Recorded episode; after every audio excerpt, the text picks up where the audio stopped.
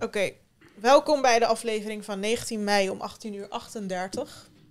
Ehm Ummer, die heeft al een paar dagen geen telefoon, hè? Oh ja. dus eh, oh, jouw ja, bereiken klopt. is altijd... eh, Ja, ik heb mijn telefoon in de wc laten vallen. Echt eh. Je hebt toevallig een paar afleveringen geleden verteld dat je altijd je telefoon eh, laat vallen en zo. Als je van Ja. de trap eh, omhoog gaat met je trainingsbroek, Ja, ja, ja. die er- wat er dan De uitglijdt. deze keer had ik hem in mijn mond, maar hij gleed uit uit mijn mond. En toen viel hij. Het is de eerste keer in mijn leven dat ik hem in de wc-pot heb laten vallen. Ik dacht altijd, hè, hoe... hoe... Maar heb je hem niet, er niet uitgevist? Jawel, ik heb hem eruit gehaald en hij deed het nog, wat heel raar was. Want de achterkant is helemaal gebarsten. Ik heb heel vaak die batterij verwisseld en zo. Dus ik wist dat er wat water in zat. Toen heb ik hem uitgezet. Maar ik moest ook die kabel van die batterij eruit halen. Dat heb ik niet gedaan. En toen eh, heb ik hem in rijst gezet. Toen kwam ik er daar achter, oh shit, hier is allemaal pis op. En ik al die rijst ook weggooien. ja, fucking een kilo rijst weggegooid. Maar eh, ja, en toen, eh, toen heb ik hem uit de rijst gehaald. En toen probeerde ik hem aan te zetten, maar dan hoorde ik zo geluidjes erin. Zo kleine knettertjes en zo. En toen dacht ik, oké, hij is nu sowieso dood. Dus eh, nu moet ik even een nieuwe telefoon halen. Maar eh, ik heb een paar dagen, ik loop een paar dagen zonder telefoon en het is een hele andere wereld. En het bevalt me op zich wel of zo. Ja, hij stelt het nu uit, het kopen van een telefoon. Ja. Maar jij doet vooralsnog alles wat je op je telefoon deed, nu op je laptop. Ja. Ja, maar het is heel lastig. Dus bijvoorbeeld, ik heb problemen met tijd. Ik weet niet hoe laat het is. En dat is zo lijp. Dat ik gewoon, want dan kan je op, bij de bushalte kun je kijken naar wanneer de bus komt. Maar ja, als je niet weet hoe laat het is, dan weet je ook helemaal niks. Ik moest eh, mensen varen. Ik ging mensen varen door Amsterdam. Allemaal mensen van eh Databrick, zo'n IT, groot IT-bedrijf. En ik moest er drie uur varen. En ik dacht van, oké, maar hoe moet ik weten hoe laat het is? En wanneer ik terug moet varen en zo. Dus toen ging ik gewoon een route fixen dat ik langs allemaal kerken ging varen. En dan kon ik naar die kerkklok kijken. Dan moest ik ongeveer zo'n besef maken van oké, over een half uur moet ik weg. Was heel lijp. Je hebt ook een oude uh, Ja, dus daar dacht de ik horloge. aan. Daar Dat, dacht ik eh, aan van ik moet een horloge nemen of zo. Maar toen dacht ik van eigenlijk is het best wel interessant. Want nu moet ik op zoek gaan naar plekken waar de tijd wordt weergegeven. En toen besefte ik ook dat vroeger had je dat op veel meer plekken. Een klok of tijd en weet ik veel wat. Maar nu mensen telefoons hebben, is dat ook aan het verdwijnen. Je kan echt op bizar weinig plekken zien hoe laat het is. Dat is best wel lijp. Maar in Spanje heb je dus overal zo'n digitale klok, viel mij op. Ja, En ja, maar in mijn jeugd leek het me ook alsof je dat veel had of zo bij plekken. Ja. Tenminste, ik, het viel me wel op toen ik jonger was. Maar eh, nu is dat helemaal verdwenen. En ook als ik iets wil opzoeken, kan ik dat niet opzoeken. En als ik in het, het OV zit, is het zo awkward. Vooral wanneer je moet staan en het is druk, dan sta je gewoon zo. en dan valt het je op dat niemand zo staat. De mensen zitten gewoon op hun telefoon, dus die doen iets. Dan dacht ik van, wow, maar wat moet ik nu doen? En dan dacht ik van, oké, ja, even het raam staren en zo. Vind je het niet leuk om gewoon een beetje mensen te kijken? Ik vind dat een van de Ja, maar- dingen als ik op het terras zit. Ja, maar ik, Ga ik gewoon mensen loeren. Ja, maar ik raak vaak afgeleid en dan... Ik kan wel eens zo naar iemand kijken en dan raak ik afgeleid. En dan kijk ik nog steeds naar die persoon, maar ik zie ze niet. Ja. Ik ben gewoon zo in een waas, zeg maar. En dan besef ik opeens dat zij ook naar mij kijken al die tijd zo. En dan denk ik van, oh shit, maar ik keek niet naar je. Ik was aan het dagdromen. ik heb dat, eh, dat soort dingen best wel vaak. Is het confronterend dat je zo Maar eh, gehecht aan je telefoon was, blijkbaar? ja, eigenlijk wel. Maar ik, ik, ik hield er ook... ik- daarom, het, het was een beetje interessant. Ik hou er wel van, zo'n veranderingen in mijn leven. Dus ik heb dat soort dingen vaak gedaan. Bijvoorbeeld een paar dagen geen schoenen dragen... met blote voeten naar buiten of zo. Of als kind ging ik een keer twee dagen niet praten. Ik dacht gewoon van... Ja, ik zat, op, ik zat op de middelbare school. Ik dacht gewoon van... Hoe lang zou ik niet kunnen praten? Gewoon geen woord zeggen. En het interessante was dat ze thuis niet was opgevallen. ja, want ik praatte nooit thuis. Ik kwam gewoon thuis en ik ging gewoon naar mijn kamer, weet je. Dus het was gewoon helemaal niet opgevallen. Maar op school was iedereen van... Jongens, weten jullie wat er met Ummer is? Hij praat niet. En, en en ik ging ook niks schrijven op papier of zo. Weet je? Ik dacht gewoon van... Ik vertel later wel wat. Voor, je gaat hier zitten. En ik Ja, zeg gewoon niks. Je hebt gewoon voor jezelf besloten, ik ga niet praten. ja. Geen moment gek worden. ja. Als je ook niet gaat lachen of zo. ja, Ik ga precies. stuk. Maar het is gewoon heel irritant. Want bijvoorbeeld ehm, een vriend van mij, die ging me via Instagram, ging hij me allemaal berichten sturen en zo. En dan zegt ze van, joh, waarom ben je niet bereikbaar en zo. Helemaal geïrriteerd. Dus ik vertel hem zo heel enthousiast het verhaal. Ik zeg zo van, bro, en besef, hè, je kan nergens zien hoe laat het is. En weet wat. Hij zegt, allemaal leuk, maar je bent 30 en je bent onbereikbaar. Je weet toch, je bent niet 15 meer of zo. Je moet gewoon bereikbaar zijn voor mensen. En ik dacht van, ja, laat me gewoon even een paar dagen genieten van dit nog. Dan haal ik wel weer een telefoon, kom ik terug in de echte wereld. Maar eh, voor nu is het wel chill. Maar ik denk dat ik in het weekend wel even een nieuwe telefoon koop of zo. Ja. Het is wel nodig. Ik zeg eerlijk, ik heb wel een telefoonverslaving, denk ik. Jij ook? Ja, Ja. ik ook. 100%. Zeker. eh, laatst moest ik zo'n lezing maken en het lukte me gewoon niet. Die telefoon die riep naar me, want ik had, weet ik veel, een of andere film ontdekt en zo. En dan wil Ja. ik het toch gewoon afkijken en dan ga je toch weer appen en zo. Ik weet niet. Het is wel echt een big issue bij Ik mij. had ook op de wc. De wc was zo saai. Zo, ik zit altijd op mijn telefoon op de wc. Ja, dat is, Dat is waar, gewoon-. Dat is gewoon echt zo'n moment. Ik wist nog, als kind ging ik dan de ingrediënten op de luchtverfrisser lezen of zo. Zodat je gewoon iets te lezen had of zo. Maar nu is het gewoon telefoon. En ik zat op die wc en ik dacht van, oké. Heel veel mensen hebben ook boeken op de, in de wc. Ja, ja, over tijdschriften of zo. Ja, dus Ja. dat begrijp ik nu wel weer. Maar daarom, het, het hele deel van dat jij iets nodig hebt om jouw hersenen bezig te houden, dat verraste me heel erg. Ik zo van, huh, maar hoezo kan ik mezelf niet bezighouden? En toen ging ik gewoon dat een beetje proberen. Gewoon een beetje naar buiten staren en dan jezelf bezig proberen te Daar houden. word je toch gek van? Dat is zo saai. Ja, maar daarom leek Ik heb dat al in het vliegtuig. Dan heb je vijf Ja. uur lang gewoon... Ja, ik denk, de tijd gaat ook fucking langzaam. Ja. De tijd gaat zo fucking langzaam. Het is absurd. Ja. Ja. Het is absurd. Elke die bus die ik altijd pak, ik dacht van, hè, maar hoe, sinds wanneer doet deze bus zo lang? ja, ja, want daarvoor zat je gewoon in een gesprek of zo. En dan, ja, soms miste je zelfs je halte omdat je het niet eh, oplette of zo. Dan ging de tijd zo snel voorbij. Zo dat gewoon een paar jaar geleden dat gewoon heel normaal Ja, was. ja. ja, maar nu word je erop afgestraft hoor. Nu zijn heel veel dingen zijn niet mogelijk als je geen smartphone hebt gewoon. Heel veel dingen zijn tegenwoordig via de app. Ja, hoe Als je- betaal jij? Zonder telefoon. Oh ja, nee, ik heb gewoon een betaalpas natuurlijk. Ik heb wel gewoon een betaalpas. Maar, eh, Die ligt bij mij echt, Nee, maar echt ik heb- in de kast of zo. Ja, ja, maar ik heb een betaalpas waar ik dan, ja, om verschillende redenen, moet ik eh, geld van mijn Nederlandse rekening moet ik op een betaalpas zetten en dan met die betaalpas betalen. Ik woon officieel niet in Nederland en zo. Lang verhaal. Sorry, Belastingdienst. Maar eh, dat soort dingen. Maar dan moet ik, moet ik via die app moet ik geld op die kaart zetten. En toen dacht ik van ja, dat kan ik nu niet. En toen moest ik dat via de desktop doen, via de website. Ik wist niet dat het bestond. Eerlijk, hoe, wie voor de laatste keer in je mobiel bankeren ingelogd op de desktop? Waarom zou je dat doen? Ja. Waarom zou je dat doen? Alles zit gewoon in je Om, app. om te bevestigen dat mijn telefoon mijn telefoon was. Zoiets, Ja, weet je, alleen ja, daarom. Precies dat Dus, soort, ja. alleen dat soort dingen, ja. ja. Dus eh, ja, je bent er wel enorm aan, eh, aan gehecht natuurlijk. En ja, je hebt het nodig voor al je dagelijkse Maar dingen. wanneer ben je van plan om een nieuwe telefoon te halen? In het weekend waarschijnlijk. Oh, dit weekend. Ja. Oh, zo lang gaat het dus niet meer duren. Kijk, weet je wat het is? Het is voor mij ook echt zo... Kijk, ik kan voor 70 euro een onderdeel bestellen... waardoor ik mijn telefoon weer kan maken. Maar dan moet ik twee weken op dat onderdeel wachten. Dus dan blijf ik twee weken zonder telefoon. Of ik geef er dan een paar honderd euro uit aan een nieuwe telefoon. Weet je? En mijn, me- voor mezelf, ik hou ervan om dingen te maken en zo. En dan te gebruiken tot het helemaal kapot is. Dus dan Twee denk ik weken moet je daaraan. toch wel lukken? Twee weken zonder telefoon? Ja, maar dan gaat... Jongen, mijn vriendin maakt me kapot. Mijn vrienden maken me kapot. Ik ga zoveel shit niet kunnen volgen. Twee weken is echt veel.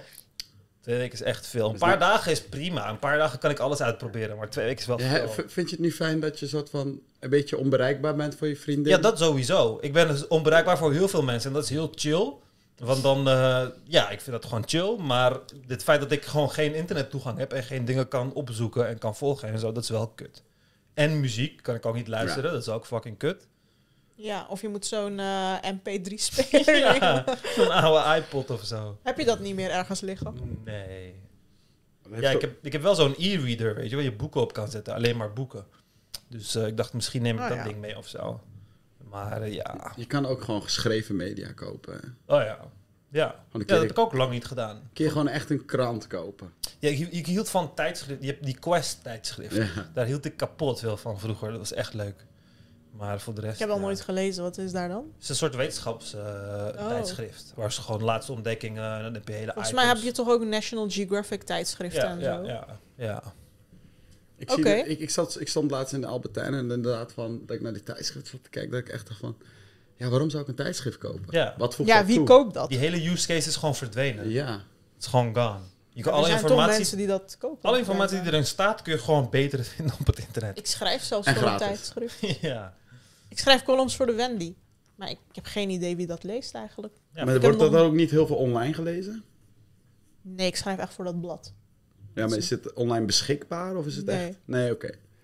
Nee. Is dat dan iets, de Wendy-lezers zijn dan die 40 plus of zo? ja, Ik waarschijnlijk. denk het wel. Of Mijn 50 maat deed plus wel altijd aan tijdschriften en zo. Bij ons kwamen al die tijdschriften gewoon binnen.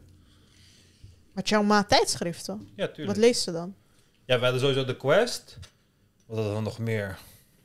Ik had Donald Ja, Duck. nu vraag je me wat. Je had gewoon die tijdschriften die je ook soms bij de krant krijgt, toch? Bij het Parool heb je Ja. zo'n tijdschrift in het weekend of zo. Oh ja, klopt, weekendbijlagen. Eh, Elsevier had het ook volgens mij of zo, ik weet het niet. Mm. Dus dat, dat soort dingen kregen we. Mijn ouders hadden echt geen tijdschrift hoor. Het is allemaal veel te duur en onnodig. En Nederlands Ja. spreken ze niet. ja, we hadden gewoon die dealtjes altijd, weet je, dat je half jaar gratis krijgt of zo, dat soort dingen. Maar eh je had ook de meet-up. Wij hadden dus met onze podcastluisteraars Oh een ja. meet-up. Ah. Ja, was echt superleuk. Ik was niet gegaan, maar hij wel. eh Vondelpark was dat. Mhm. Voor En, mensen eh, zijn er komen opdagen. 20 of zo? Ah, Ja, maar het, was wel, het zag er heel gezellig uit. Iedereen had eten meegenomen Ja, en was super gezellig. Het was echt leuk om iedereen eh, in het echt eh, mee te maken. En, eh, ja, en we gaan het ook sowieso gewoon vaker doen. Ja, nu in ik zomer kunnen we het gewoon vaker doen inderdaad. Want eh, ik merkte ook dat er niet, je, kan echt, er is niet genoeg tijd om met iedereen te praten, weet je. Dus het is wel, eh, maar met de mensen die met wie ik kon praten, was het wel allemaal leuk. En het is ook wel leuk om zo'n gezicht te zetten achter al die namen. Dus eh, verbaasde iemand je? Waarvan je dacht van, ik had ik nooit verwacht dat je er zo uitziet. mm, nee. Nee, eigenlijk niet. Nee, van de meeste mensen wist ik ook wel hoe ze eruit zien en zo. Maar ik ben het ook gewend, want zeg maar, ik heb heel vaak ehm soort van internetcommunities gehad. En ik had vroeger de Facebookpagina, dat heb ik nooit verteld volgens mij, maar vroeger had ik de Facebookpagina The Dutch Atheist. En eh, ik was daar uit de kast gekomen. Ik, ik had geen ex-moslim groep gevonden. Dus je had de Dutch Atheists, dat was een groep. Daar was ik uit de kast gekomen, ging ik community zoeken en zo. En ik had die pagina van echt iets van 6000 likes naar 200.000 eh, likes of zo had het gebracht. Dat was een van de grootste atheïstenpagina's van eh Ja, ik Europa. volgde die pagina ook. Ja. En wij deden vaak meetups en zo. En dan heb je gewoon mensen waar je hele gesprekken mee hebt gehad. En dan hebben dat is dan helemaal nooit een profielfoto. En dan komt er gewoon zo'n forse Nederlandse kerel op een motor en zo. Die dan zich helemaal lam gaat zuipen daar in die kroeg en zo. En je op het einde van de avond zo knuffelt omdat hij zo'n eh dronken teddybeer is geworden. weet je? Dronken teddybeer. ja, gewoon van dat soort types, weet je. Dat zijn allemaal mensen waar je totaal niet verwacht. En ik vind dat altijd wel leuk. Ik vind het heel leuk in de groep wanneer mensen niet hun echte naam en foto hebben. Hmm. Want dan vorm ik zelf een beeld in mijn hoofd. En vaak als ik er dan achter kwam hoe je eruit ziet, is het, heeft het totaal niks met dat beeld te maken. Is het Want saai? ja, want soms is het zelfs dat sommige mensen hebben dan... Kun je niet eens het gender zien, zeg maar, aan de naam en de profielfoto. En dan denk je van... Oh, jij komt over als een guy of jij komt over als een chick. Maar dan is het helemaal andersom en zo. En dat, dat helpt je wel om in te zien dat al die vooroordelen die jij creëert in je hoofd... meestal niet kloppen, zeg maar. We hebben niet een speciale ehm, ja, gave om mensen alleen van hun persoonlijkheid over te zetten naar uiterlijk. en Zouden zo. jullie ooit op een blind date gaan? Nee. Vind ik wel Dat spannend. is te risky, hè? Nee, ik zou niet op een blind date Waarom gaan. niet? Nou, eh, omdat eh, uiterlijk kan tegenvallen. En ik zou het heel, heel, heel moeilijk vinden om iemand af te wijzen op zijn uiterlijk. Ja, precies. Dat zou ik echt fucking moeilijk vinden. Zou je dat ook durven als er camera's bij zijn? Want dat gebeurt bij Love is Blind, hè? Dat is mijn favoriete programma. Ik, ik denk dat ik het juist wel interessant zou vinden om op een blind date te gaan. Want ik, ik weet dat ik een bepaalde bias heb. Dat ik denk van, oeh, zij ziet er leuk uit. En dat je dan, eh, qua uiterlijk.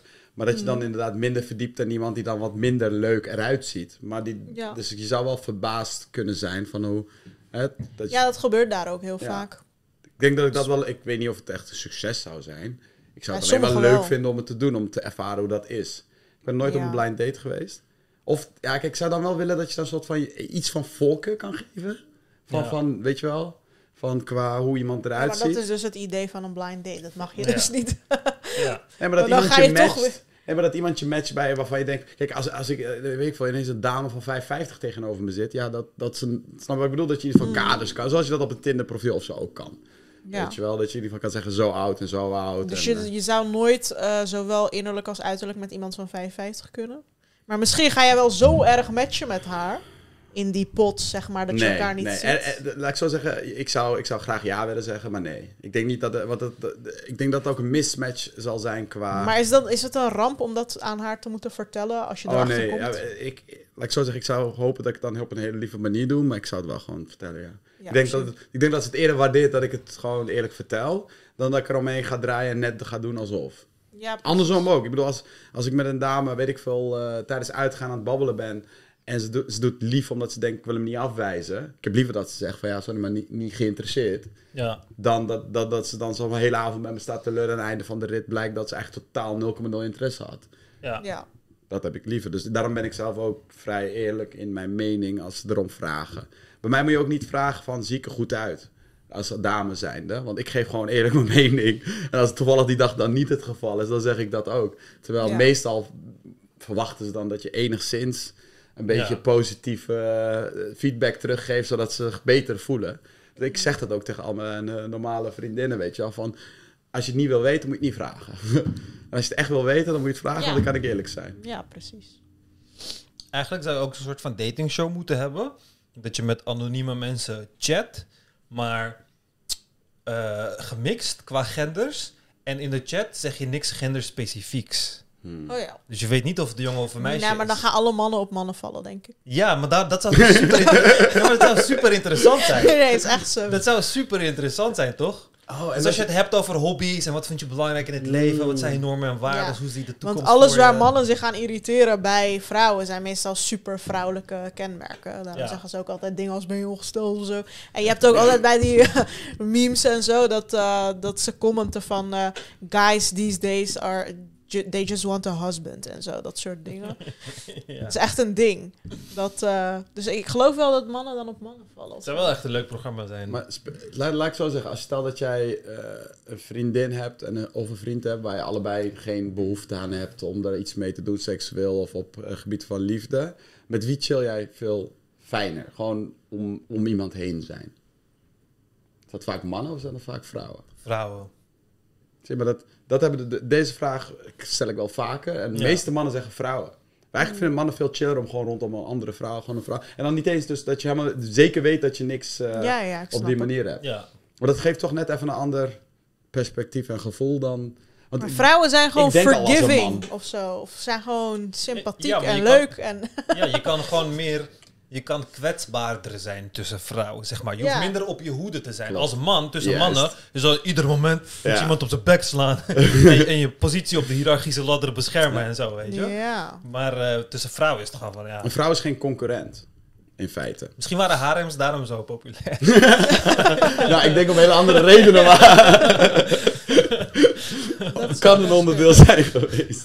Weet je, je hebt een hoofdpijn, je gaat even tussen de dames chillen, zo. Ik vind het dan wel... Ik heb, ik heb al wel eens gehad dat dan een vriendin bijvoorbeeld van mij bi is. Maar dan vind ik het wel lastiger. Want dan weet ik van, oeh, maar jij bent ook technisch gezien concurrent. En vrouwen zijn veel toegankelijker voor andere vrouwen. Dus zijn ook nog eens vaak effectiever dan mijn mannelijke vrienden om een vrouw te versieren. Ja. Die, zie ik dan, die vind ik dan heftiger, zeg maar, om bij me te hebben. Als een vrouw bi is? Ja, dan een man die ook op vrouwen valt. Oh ja. Dat is heel Oh. raar. Nee, ik heb dat een vind, paar ik, keer ik gehad. vind het echt top als vrouwen bi zijn. Ja, nee, ik, ik beaam dat. Maar zeg maar, om dan, om dan mee uit te gaan of weet ik veel Waarom vind je dat top? ja. Hele diepe zucht. ja, nee, het is gewoon fijn. Ik bedoel, het zijn gewoon vrouwen die eh, wat meer eh, openstaan en zo. Ja. En ehm, ja, ik weet niet. Ik heb altijd, in een relatie heb ik altijd gehad dat de, de vrouw ehm, ook vrouwen leuk vond. Is altijd zo geweest. Ik weet niet waarom dat is. Echt? Of dat allemaal Heb je alleen maar bi-exen? Ja, niet bi in de zin van dat ze relaties hebben gehad met vrouwen. Nee, maar dat ze ook... eh, Maar meer van dat ze het ook, dat ze het niet erg zouden vinden om het ook eens een keer met een vrouw te doen, zeg maar. Oh ja. Ja, maar dat is Dus, niet eh, per se- Ja, oké. Is dat dan... Ik vind dat als je, als je Ja, als je bent... aangetrokken bent. Kijk, ook al als ik nu zou lusten naar een grote penis, dan ben ik gewoon bi, Ja, weet je? ja oké. En ja, als jij als Fair. vrouw zijnde kan lusten naar... Ik heb heel veel vriendinnen gehad die dan zeiden van... Wow, haar tieten, ik zou echt in die tieten willen knijpen en weet ik veel wat allemaal. En denk van, oh ja, kijk, ik denk dat nooit bij mannen. Dus dat- Dan ben je ook niet bi. Maar als ik dat wel bij mannen zou Ja. denken, dan ben ik bi. Ook al heb je- hebben ze dan nooit echt iets ondergaan met een vrouw, is het nog steeds wel gewoon... Zouden wij gelukkiger zijn als we bi zouden zijn, denk je? Lastig. Lastig. Ik denk dat bi best wel lastig is. Want dan, dan is het niet alleen van... heb ik wel de juiste partnerkeuze gemaakt... maar is, is, is het ook van... heb ik wel de juiste genderkeuze gemaakt. Dat lijkt mij wel extra twijfels te geven, zeg Ja. maar. Dat je dan tussen twee Je hebt wel velden meer zit. opties. Ja, maar je zit twee, tussen twee genders die je beide... want je wilt van beide iets. Je bedoelt als je eenmaal in een relatie zit. Ja. Maar je hoeft natuurlijk niet in een relatie te zitten. Nee, Nee, maar- maar, ja, maar maar- uiteindelijk beland je wel een Als je keer in een gelukkig wil relatie. zijn, Ja. wil je uiteindelijk wel in een relatie zitten, denk ik. Maar, maar Dus dan twijfel je de hele tijd van wil ik nou met een vrouw of met een man gaan. Ja, want ik denk dat je als bi dan naar iets op zoek bent wat beide genders jou kunnen geven, maar geen van de genders gaat je beide kunnen geven, zeg maar. Hmm. Ja. Dus dan blijft er altijd een gat open of zo. Zou, zou je je? dan eh poly of zo eh, overwegen? Nee, En dat dan zou met ik, een nooit, man en een vrouw? dat zou ik nooit doen. Nee, ik ben monogaam als de pest. Ja, ik geloof Dus, denk ik eh, niet meer per se in monogamie. Ja, heel veel mensen geloven niet meer in... eh, Interessante discussie. nee, we hebben het er zo vaak over gehad. Oh, oké. Ja. Nee, we hebben toevallig nog een podcast daarover ge- Ah. gemaakt met eh, iemand genaamd Izzy. En toen was er ook een beetje een clash. Want Izzy was inderdaad een beetje zoals jij. Die zei van, ik geloof niet in eh, monogamie. En Umer is super monogaam. Ja, Ja, ik, ik, super. ik ben negen jaar, nee, maar ik ben negen jaar ook gewoon monogaam geweest. En altijd zeg maar ook, ook echt niet vreemd gaan. Ja. Maar ik denk niet dat dat iemand per se gelukkiger maakt als, als je dat niet bent. Nee, nee, nee, dat denk ik ook niet. Ik denk dat de mensen die polygaam zijn perfect net zo gelukkig kunnen zijn als mensen die monogaam zijn. Maar ik geloof wel dat je eh, monogame mensen hebt Hm. en eh, polygame mensen hebt. En zolang die elkaar vinden, is dat helemaal prima. Zeg maar. Maar de vorige discussie ging ook over dat als je partner vreemd gaat, je dat eigenlijk niet erg moet vinden, omdat eigenlijk is vreemdgaan niet erg. En ik vond het Hij vergeleek het met eh, een lege fles cola in de koelkast. Je irriteert je er eventjes aan. Ja. Nee, nee, nee. Als ik een afspraak heb met jou dat we dat niet doen, dan doen we zei. het niet. Ja, Maar als de zei. afspraak er niet is, is het dan heel anders. Ja, dat maakt niet uit. dan moet je, nee, laat ik zo zeggen, dan moet je het niet erg gaan vinden. Ja, ja, Dan tuurlijk. moet je de afspraak maken. Ja, ja, er zelf ja. ook aan houden. Ja, tuurlijk. Ja, maar hij wilde een meer filosofische discussie van... Oké, maar waarom is dat erg?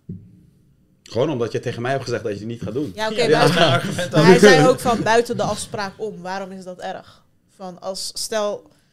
Ja, maar waarom is het erg als je kind doodgaat? Ja, nee, maar... ja, Ja. als je volledig rationeel wil zijn, waarom is het erg? Je kan altijd een nieuwe kind maken. Waarom is het erg als je Nee, hij bedoelde meer van: kijk, stel jij hebt niet eh, de behoefte om met iemand anders te seksen, maar wel met iemand anders een gesprek aan te gaan. Of weet ik veel, samen iets intelle- intellectueels te doen. zo. Mhm.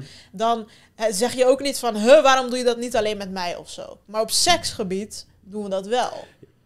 Dus Ja. wij hechten daar, een, dat is een categorie apart of zo ineens. Terwijl al die andere dingen mag je met je vrienden doen, met je vriendinnen doen. Alleen seks niet. Nee, het is niet al die andere dingen. Ik bedoel, als jij... Als, als mijn vriendin constant uit eten zou gaan met een of andere guy vriend, dat is niet van, oh, dat is oké of zo. Of van, oh, een belangrijk moment in haar leven en dan is haar guy friend daar en niet ik. Ja, dat is niet oké of zo. Het is niet alleen maar Mhm. seks. Dat is gewoon een hele... Ik denk dat het gewoon een karikatuur was van zijn kant. Maar over het algemeen deel jij gewoon... Heb jij gewoon speciale momenten en die deel je met de speciale mensen in jouw leven uiteindelijk. En ja, seks is daar onderdeel van. En dat... dat definiëren wij gewoon als een monogame relatie of een polygame relatie. Ja. En ja, als je hebt afgesproken dat je in een monogame relatie zit, dan ja. Heeft jouw vrienden, eh, vriendin veel eh, mannelijke vrienden? Mm, nee. Gewoon goede mannelijke vrienden? Nee. Nee, je wel goede mannelijke vrienden, ja. Maar niet veel of zo. Niet Eentje. al eentje. eigenlijk. Ja. En ik, ik had wel eens dat ik dan dacht van, oké, dat is helemaal prima. Weet je wel? Omdat Ja. ik, als ik jou leer kennen en ik kan jou inschatten. Maar er zitten wel altijd van één of twee tussen waarvan je denkt van, hmm, ja I know what you're thinking. Ik zou dus meer problemen hebben als er veel waren. Want Ja, dan kan ik ze niet eiken als het ware. Ja, ja, ja, maar kijk, als er één of twee zijn, dan weet ik van, oh ja. En vooral dan wanneer je dan thuis hoort van, oh ja, dat is echt een irritant persoon.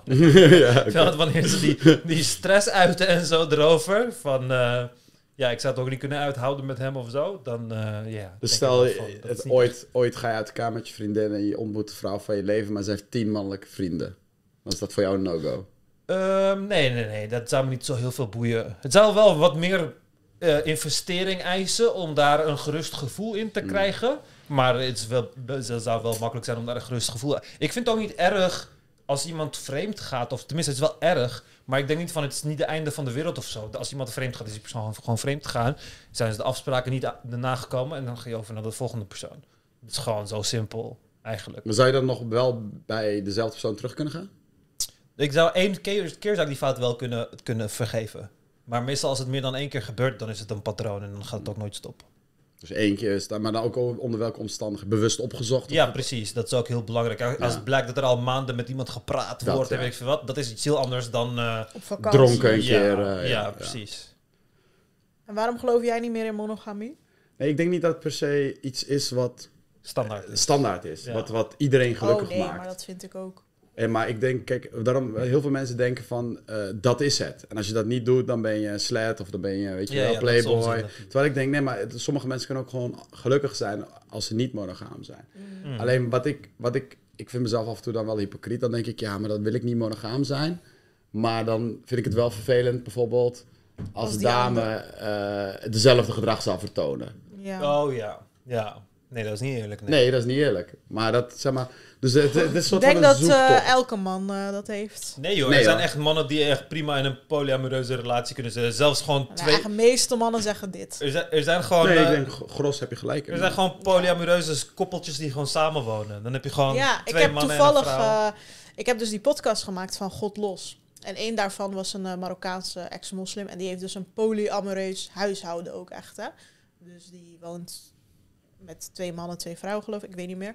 Maar hij vertelde daar dan af en toe verhalen over. En ik merkte toch, ook al wil ik open-minded zijn... dat iets in mij zegt Mhm. van... nee, dit is gewoon raar. Maar is dat dan jij? Is dat dan je opvoeding? Is dat dan... Dat weet ik niet. Maar ik, vond, ik dacht gewoon van... nee, zo, dit is zo raar of Ja, maar zo. dat, is, dat is letterlijk de eh, definitie van een vooroordeel eigenlijk, zeg maar. Dat is iets wat in ons... Ja, Het is ja. hetzelfde, is hetzelfde net als de eerste keer dat mensen... Heel veel mensen proberen... Mensen worden nu steeds transpositiever als het ware. Maar iedereen heeft nog steeds bij al die dingen... Tenminste, de meeste mensen hebben het nog steeds bij al die dingen... omdat het buiten hun wereldbeeld is. Is het van... Oké, ik begrijp het allemaal, maar het is toch wel raar. is toch wel raar. Het is toch wel een beetje raar. En heel veel ouderen, de oudere generatie heeft dat met homo's en zo. Ik denk van, ja, oké, ik accepteer ze allemaal wel, maar het is toch wel, toch wel raar. En dat is gewoon allemaal al die shit die in ons zit. En dat is gewoon, dat is gewoon omdat Nee, maar ik spreek het niet uit en ik laat het ook niet Precies, merken. precies, precies. En, En het is ik, ook niet... ik, ik, ik, zeg, ik denk alleen van, nee, dit zou nooit iets voor mij zijn. Ja, maar daarom. En dat is ook puur menselijk. En ik denk dat die dingen pas verdwijnen wanneer je er meer exposure aan krijgt, zeg maar. En daarom is het ook belangrijker dat dat soort shit ook voorkomt in films en allemaal dat soort dingen. Want de hele reden waarom alles buiten monogame relaties zo vreemd of vies overkomt, is omdat dat in onze cultuur zo geregeld is, in onze films en onze boeken zo geregeld is. Weet je, het is van of je bent een goed koppeltje en je gaat trouwen en happily ever after, eh, weet ik veel wat allemaal. Of je bent zo'n losbandige slet die dan gewoon de hele wereld rondgaat en gewoon op een uh, dik marathon gaat of zo. En ja, er bestaat helemaal geen nuance daarin. Denk je dat dat natuurlijk bepaald is, zoals bijvoorbeeld het homo zijn? Hè? Dat je zo geboren wordt? Oh, oh, in die zin, om die seksuele... Ja, ik denk dat sowieso wel. Want heel veel... Ja, maar het is ook van... Kijk, je kan ook heel erg... Je kan ook hyperseksualiteit hebben, maar het gewoon Op een- opkroppen. ja. Je kan het opkroppen of je kan er gewoon... Het is net als homo zijn, want je kan homo zijn en dan gewoon een vrouw trouwen en een gezin hebben en nooit iets in je kont stoppen of zo. Maar je kan ook homo zijn en gewoon naar Berlijn gaan en gewoon gekke shit doen. Iets in je kont stoppen, is dat dan gelijk homo? Ja, neem maar bijvoorbeeld gewoon een wat grovere eh, beschrijving daarvan. Maar dat is, dat, dat, dat, dat, eh, is zo. Maar, maar we hebben periodes gehad in de menselijke geschiedenis waarin al die dingen gewoon heel erg normaal waren. Dus dat, dat wel zien dat we geen biologische reden hebben om zo over die dingen te denken. zijn, ja. Het is niet genetisch bepaald dat wij moeten denken dat monogamie normaal is en alle andere dingen niet. Alles is Ja. mogelijk. Ja. Dat, dus- dat is misschien jouw ervaringen, vandaar dat ik het vroeg. Van, Ja. Ik denk dat met name dat waar je wel, dus monogamie, of je dat wel of niet kan handelen. En andersom, Mhm. dat dat echt je ervaringen zijn en niet per se je natuurlijke, Ja. eh, hoe je wordt geboren, zeg maar. Mhm. Terwijl bijvoorbeeld hè, je seksualiteit is wel natuurlijk. Ja. Dat wordt wel bepaald. ja. En je hebt trouwens ook die half-open relaties nu. Dat eh een van de twee, zeg maar, meerdere sekspartners mag hebben. Oeh, Nou ja. dat, ja, dat klinkt heel... Heel erg grote onbalans. Ja. eh, misschien Ja, maar je niet- hebt ook mannen die daarvan houden. Sommige mannen denken gewoon van, ja, weet je, verneder mij maar. Of, de, of laat je door iemand anders neuken voor mijn ogen, Nee. vind ik geil of zo. Heb je ook. Dus eh, Ja. Maar dat is meer, dan denk ik dat is meer een fetish dan... ja, maar dat, een fetish kan er wel voor zorgen dat je best wel veel dingen accepteert, denk Dat ik. is waar, ja. Ja. Nee, maar eh, ik had ook ehm, gehoord van stel nou één heeft een hoger libido of zo, dan van andere dingen zeg je ook niet van oh jij mag dat niet ergens anders halen en zo, maar seks moet dan exclusief zijn. Ja, Dan kan het werken. ja. Ja, met dat soort dingen. Ik, heb, ik had een vriend die had dan de afspraak van alles behalve seks is geoorloofd. Dus als zij uitging konden mensen zoenen en weet ik veel. Ze konden zelfs mensen daten, maar Ja, geen dat seks hebben homo's ook vaak, merk ik. ja. Omdat ze, ze- omdat ze beseften, want ze waren allebei een paar keer fout gegaan, dat ze mensen hadden gezoend. En toen kwamen ze erachter dat ze het eigenlijk allebei wel oké vonden van elkaar. Maar dat Ja. omdat ze dat nooit hadden uitgesproken. Mm. de- en toen hebben ze gewoon gezegd, oké, we, we gaan gewoon een soort van inderdaad een half open relatie. Maar dan seks is dan gewoon van ons. Mhm. Ja, dat, Ja. maar nou, ik denk dat je daar uiteindelijk wel een keer de fout maakt. Want als je dan, eh, weet ik veel, elke Ja, keer eh, mensen gaan lopen zoenen. Zolang- ja, Als ergens, een chick eh, begint te zoenen, dan gaat het gewoon fout lopen. 100%. 100% van de keren gewoon. Ja. Ik heb dus je ook een eh schrijvercollega die jij ook kent, die heel veel moeite heeft met eh, langdurig bij één persoon eh, Ja. blijven. En die heeft altijd stress en gezeik met zijn, eh, zeg maar zijn huidige vriendin dan. Omdat die altijd jaloers wordt. Maar dat is ook omdat hij super... Ja, hij is gewoon een sociale vlinder. Mhm. Hij gaat gewoon iedereen lopen knuffelen en weet ik veel wat. En dat vindt geen enkele vrouw leuk uiteindelijk. Ja. Dus bij hem is het nooit succesvol, zeg maar, Noem je dat? Een sociale vlinder? Ja. Beetje zoals jij. Ja, dat, dat, ik voelde, voelde me ineens aangesproken. Ja, dus dan is het ook super moeilijk om een partner te vinden die dat allemaal gaat accepteren, zeg maar. Dat je duizend chicks hebt als eh, vriendin, dat je overal hartjes comment en weet ik veel wat, dat je ze allemaal knuffelt, eh, dat je heel veel activiteiten met ze doet. Ja, dus dat is ook altijd wel... Ja, dat soort feedback heb ik ook wel eens gehad. ja, maar ik, weet je wat het voor mij is? Ik kan, ik kan makkelijk bepaalde dingen scheiden voor mezelf. Ik kan zeggen van, oké, voor mij ben jij, zeg maar, een soort van seksueel interessant. En dat wil ik pursuen. En voor mij ben jij interessant omdat ik je gewoon een leuk persoon vind. Voor mij ben jij interessant omdat jij, weet ik veel, intellectueel mij uitdaagt. Ja, En wat ik dat in mijn mind kan scheiden, maar ik snap dat het aan, aan de buitenkant er heel anders uitziet. Als je dat Ja. eh, inderdaad verhoudingsgewijs ook heel veel vrouwen zijn. Maar ja, blijkbaar vind ik op dat moment dan heel, vrouwen interessant op bepaalde onderwerpen dan mannen. Ben op een gegeven moment ook wel klaar met mannen. Mannen hebben... Mannen, wat hij ook zegt, je bent altijd op je hoede of zo. ja. dat klinkt heel raar, maar het is niet eens omdat je... Je wilt niet soort van dat eh, apengedrag vertonen, maar Ja, die doet het wel. Maar het is er wel, ja. Het is gewoon een wedstrijd altijd tussen. maar waarom? Is dat een soort automatisch iets dat ontstaat Ja. of zo? Mhm. Maar niet bij homo-mannen, denk ik. Die zijn juist super lief en leuk. Misschien heeft dat ook een beetje met Maar testosterongehalte te maken. Bij een homo-koppeltje, dan heb- is er toch ook wel tenminste, soms een duidelijke keuze van... Oké, ik ben de top en jij de bottom, zeg maar. Oh ja, vrouwelijke en mannelijke. Weet je? Ja, niet vrouwelijke mannen, maar Nee. meer van... Ik ben wat, ja, jij bent wat dominanter en ik ben wat submi- more submissive of Oh, zo. ja. Ja, dat, dat dominant en submissive is ook heel gek. Heel veel mensen die zeg maar in hun dagelijkse realiteit heel dominant zijn, omdat ze hogere functies hebben, omdat ze Mhm. dat moeten zijn, weet je wel. Die zijn dan juist in een relatie heel submissive. Mhm. Dat, dat zie ik in ieder geval bij, in mijn omgeving terug. Dat heel veel mannen die in buiten, zeg maar buitenwereld, heel erg zo van, eh, dit een mannelijk. Hoor je van sekswerkers altijd dat wanneer ze rijke cliënten hebben, machtige mannen, dat ze altijd gekke shit willen, zoals vernederd worden Ja. of gezweept worden of whatever. Ik denk dat het ook soort van, ja, als je dan elke dag soort van de meest dominante in een zaal moet zijn, dat je het ook wel er- ergens moet loslaten. Want dan, dat, ik denk niet Oh, dat ja. dat heel gezond is of zo. Kijk, dat je dan, weet ik veel, een luier gaat dragen en als een baby gaat gedragen, dat is dan meer een fetish, denk ik. Maar het is ook meer de mindset van, oké, nu mag jij even de controle nemen. Doe jij Mhm. maar even gewoon wel. Ik, ik volg wel. Ja. Ja, inderdaad. Wat zou Erdogan dan doen? In bed? Oeh. Hij heeft ook geen mooie Ik ben eerlijk blij dat ik daar nog nooit over heb nagedacht. Over dit soort dingen denk ik dan wel na. Denk jij na over hoe Erdogan in bed is? Ja, ook bij Mark Rutte. Ik denk het altijd van die machtige mensen. Bij Mark Rutte heb ik het wel eens afgevraagd, gewoon puur omdat ik zijn seksuele oriëntatie gewoon... be- Gewoon ik- één ik- groot, Ik, eh, ik, ik wil het gewoon weten, is. gewoon puur... ja, iedereen wil het weten. Weet je wel, gewoon dat iedereen erover heeft. Maar ik heb nooit gedacht van, hoe zou die dan echt in bed zijn? Ja, ik wel. Oké, nou, misschien... Ja, ik weet niet. Ook als ik zeg maar zo'n lezing heb met allemaal van die hoge pieven. Het helpt mij gewoon van... Als ik bedenk dat ze allemaal in hun onderbroek staan. En dat ze ook allemaal naar de wc gaan. En ook allemaal seks hebben. En rare fetishes en zo. Ja, wat ik, wat ik laatst over na dat island van Epstein, weet je wel, dat, dat verhaal. Dat daar dus al die machtige mannen kwamen en zo. Maar dan denk ik, ja, maar dat is dan heel, toch heel raar. Je, je ziet al die macht, dus iedereen die daar is, dat is dan machtig, rijk, whatever. Van, Maar hoe gedragen zij zich dan onderling? Nou, Ja. Want het is, het is natuurlijk maatschappelijk niet geaccepteerd, eh, menselijk niet geaccepteerd wat ze allemaal hebben gedaan. Maar dat weten ze dan ook van elkaar, soort van. En Ja, de omgang met elkaar dan. Dat ze zo, wij zijn allebei creep, weet je wel? ja. Ja. Ik denk dat ze dat gewoon normaliseren of zo. Ja. Dan denk ik van, ja, we zijn geen erge mensen. Kijk, we doen het allemaal. Het is niet erg. Volgend onderwerp. Ik wilde naar, gaan naar de filmpjes van Leef Bewust Nederland. Eh, misschien kun je die opzoeken. Van, dat is zo'n kale meneer en ik zie dat iedereen hem deelt. En hij vertelt allemaal dingen als ja, fruit vergiftigt je en zo. En eh, dat soort dingen. Fruit vergiftigt je. Ja, dus ik wil even dat ene filmpje van hem kijken en dan voor eens en voor altijd afrekenen met waarom dit onzin is. Want, En waarom was het Zoveel- relevant om te melden dat hij kaal is? Eh, dan weet Umar wie ik bedoel. Oké. En wel haartransplantatie in Turkije laten doen. Nou, welke kijken dan? Die eh, meest recente over waar hij een appel heeft. Ja, die. Wist jij dat Dit dit, soort soort dus fruit jou langzaam aan het vergiftigen is? En dan heb ik voornamelijk over niet-biologische appel, niet-biologische bessen, niet-biologische aardbeien en eigenlijk alle niet-biologische producten waarvan je de schil er niet afhaalt.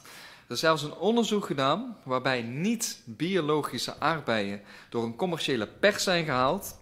En daarbij zaten zoveel pesticiden in het sap dat het sap gewoon weer gebruikt kan worden om de nieuwe crops te bespuiten. En dat ze voldoende pesticiden bevatten om weer beschermd te zijn tegen insectenvreet.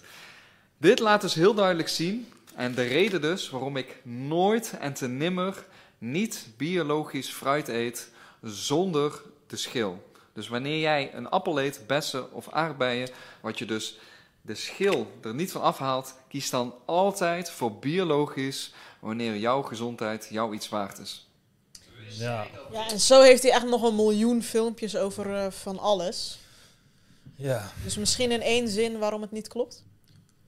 Omdat biologische producten ook pesticides hebben, zeg maar. Letterlijk. Ze hebben ook pesticides. Maar Alleen pesticiden. Biologische producten hebben pesticides, maar het heet biologisch omdat de pesticides die ze gebruiken van natuurlijke oorsprong moeten zijn. En dat klinkt voor heel veel mensen al gelijk een stuk veiliger, maar dat is het niet. Bijvoorbeeld kopersulfaat is gewoon hartstikke giftig. is een blauwe vloeistof, letterlijk. Hartstikke giftig, maar het is gewoon een biologisch bestrijdingsmiddel.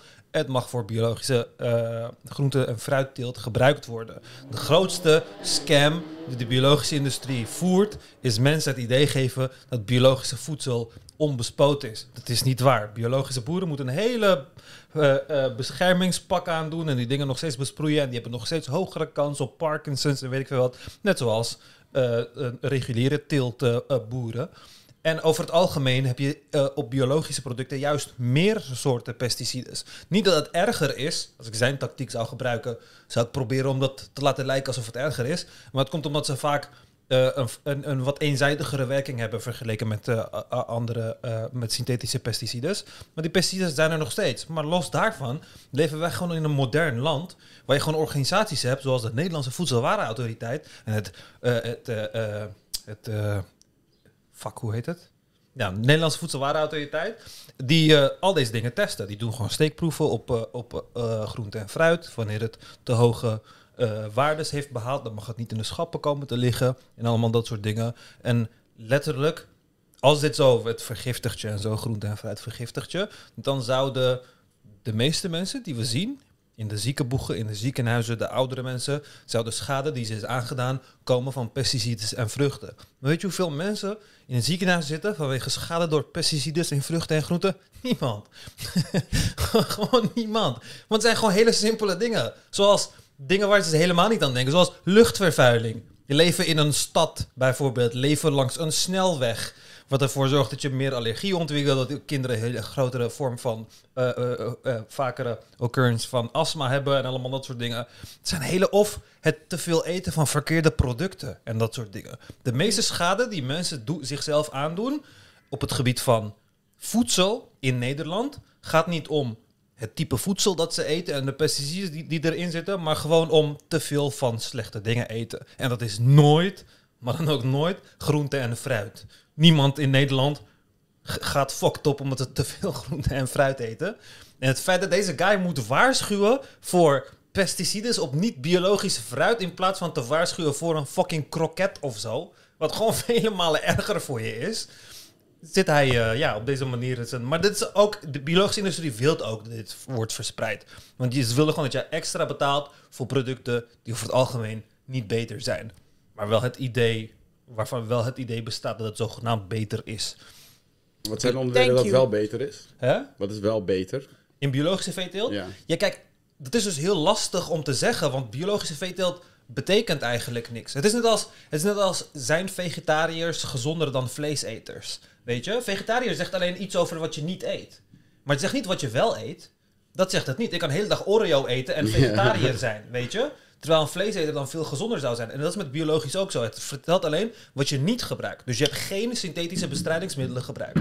Maar je zou net zo goed alle biologische bestrijdingsmiddelen gewoon erop kunnen spuiten. Dan zeg van ja, het is gewoon biologisch. En dat weten we dus niet. Dus het zijn woorden die eigenlijk niks zeggen. Dus eigenlijk wil jij weten, van al jouw producten wil jij weten van... Zijn er pesticiden gebruikt? Welke pesticiden zijn er gebruikt? Hoeveel, wat zijn de waardes waarop ze overblijven op de vrucht? Wat is de uh, grenswaarde van wanneer het schadelijk voor je wordt? Want dat doen dit soort bedrijven. Uh, heel veel, daar moet je ook voor bewapenen. Dan zie je heel veel krantartikelen van... Op dit product zijn 14 pesticiden gevonden of zo. Of zoveel pesticiden. Zolang ze jou niet vertellen hoeveel er is gevonden, vergeleken met wat de grenswaarde is wanneer het gevaarlijk wordt, betekent dat helemaal niks. Want het zit overal. Wij poetsen elke dag onze tanden met een tandenborstel waar gewoon poepbacteriën op zitten. Die kan ik daar gewoon vinden op elke tandenborstel in de hele wereld die gebruikt is, kan ik gewoon poepbacteriën vinden, zeg maar. Omdat die gewoon door de lucht zweven.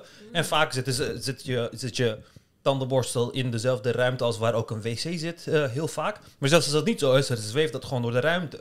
En dat komt dan gewoon op je tandenborstel. Maar het feit dat we dat kunnen vinden, wil niet zeggen dat die poepbacteriën slecht voor je zijn. Want in de chemie, in de biochemie, gaat het om de dosage. We kunnen alles vinden. Op alle 50 euro biljetten, op alle euro biljetten in heel Nederland zit cocaïne bijvoorbeeld. We kunnen dat gewoon meten, we kunnen het vinden. Maar het zijn geen hoeveelheden die je high gaan krijgen. En dat doen, ze met, dat doen al deze mensen van ja, onderzoek gedaan. En er zoveel, hij komt nog met een lul verhaal van ja, als je het perst kun je het daarna als uh, pesticide gebruiken. Zo dom. Welke onderzoek, welke onderzoek denkt van oh, we gaan aardbeien persen en dan gaan we de pesticides erin checken en dan gaan we kijken of het sap daarna ook nog werkt als uh, eigen nou ja, Je hebt nerdjes die van alles kunnen onderzoeken. ja, nee, maar het onderzoek bestaat in ieder geval niet. In essentie wat hij zegt is dus eigenlijk van uh, je, je neemt een bepaalde dosage mm. vergiftiging in. Ja. Dus hij heeft gelijk, alleen dosage is dusdanig weinig dat het geen fuck uitmaakt. Ja, want we leven in een ontwikkeld land waar er gewoon hele rigoureuze wetgeving en controle is op die... Kijk, als je in India woont, 100%. En soms glipt het ook langs, hè. Dan komt er een krantartikel van, weet ik veel, uh, ananas uit de AH heeft te hoog pesticiden, weet ik veel. Dan wordt het de handel gehaald. In Nederland zijn we zo... Fuck, weet je hoeveel terugroepacties er zijn per dag? Dan is er gewoon één keer iets misgegaan op de lopende band. Hebben ze ergens een klein stukje metaal gevonden of zo. En dan gaan ze alle gewoon duizenden producten gaan ze terugroepen. Om de consument te beschermen. Maar dit soort idioten wil je laten doen geloven dat de overheid jou dood wilt hebben. De overheid wil jou voor de gek houden. En die wil jou eigenlijk stiekem vergiftigen. Maar dat wil de overheid niet. Als de overheid, als het waar zou zijn dat appels slecht voor je zouden zijn, dat giftig voor je zou zijn, dan zou je ze niet mogen verkopen. Want we leven in een normaal land. Sigaretten mag je wel Weet je? Ja, maar dat is een verslavend middel. En dat is al legaal geweest ooit. Dus, en er is geen alternatief, anders gaat het om de zwarte markt. Dan moet je het gewoon... Uh, dan moet je het gewoon... Uh, met de tijd moet je mensen er vanaf proberen te krijgen. Maar als jij appels, als jij giftige appels op de markt hebt, dan kun je dat gewoon vervangen met. Van sigaretten weet iedereen dat het gif of dat het ongezond is. Zeg ja, maar, er is ook geen, voor sigaretten heb je ook geen alternatief. En hier heb je altijd een alternatief. En de overheid heeft gewoon liever dat jij gezond bent. Want landen met gezonde populaties zijn betere landen.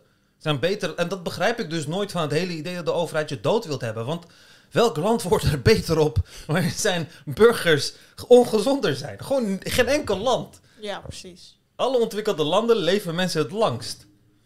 Maar ja, het is gewoon uh, dom. Ik heb, deze, ik heb deze guy eerder aangepakt. Omdat ja, hij, heeft heel veel filmpjes. Hij ging kurkuma, wat gewoon bedoeld is. Hij ging kurkuma verkopen in capsules. Met uh, volgens mij 14.000% winst of zo. Echt fucking gestoord. maar ja, dit soort mensen leven daarop. En tijdens de coronacrisis was hij fully wappie. Oh ja, en deze vaccin is slecht. En de overheid zegt niks over sporten. Het antwoord ligt bij sporten.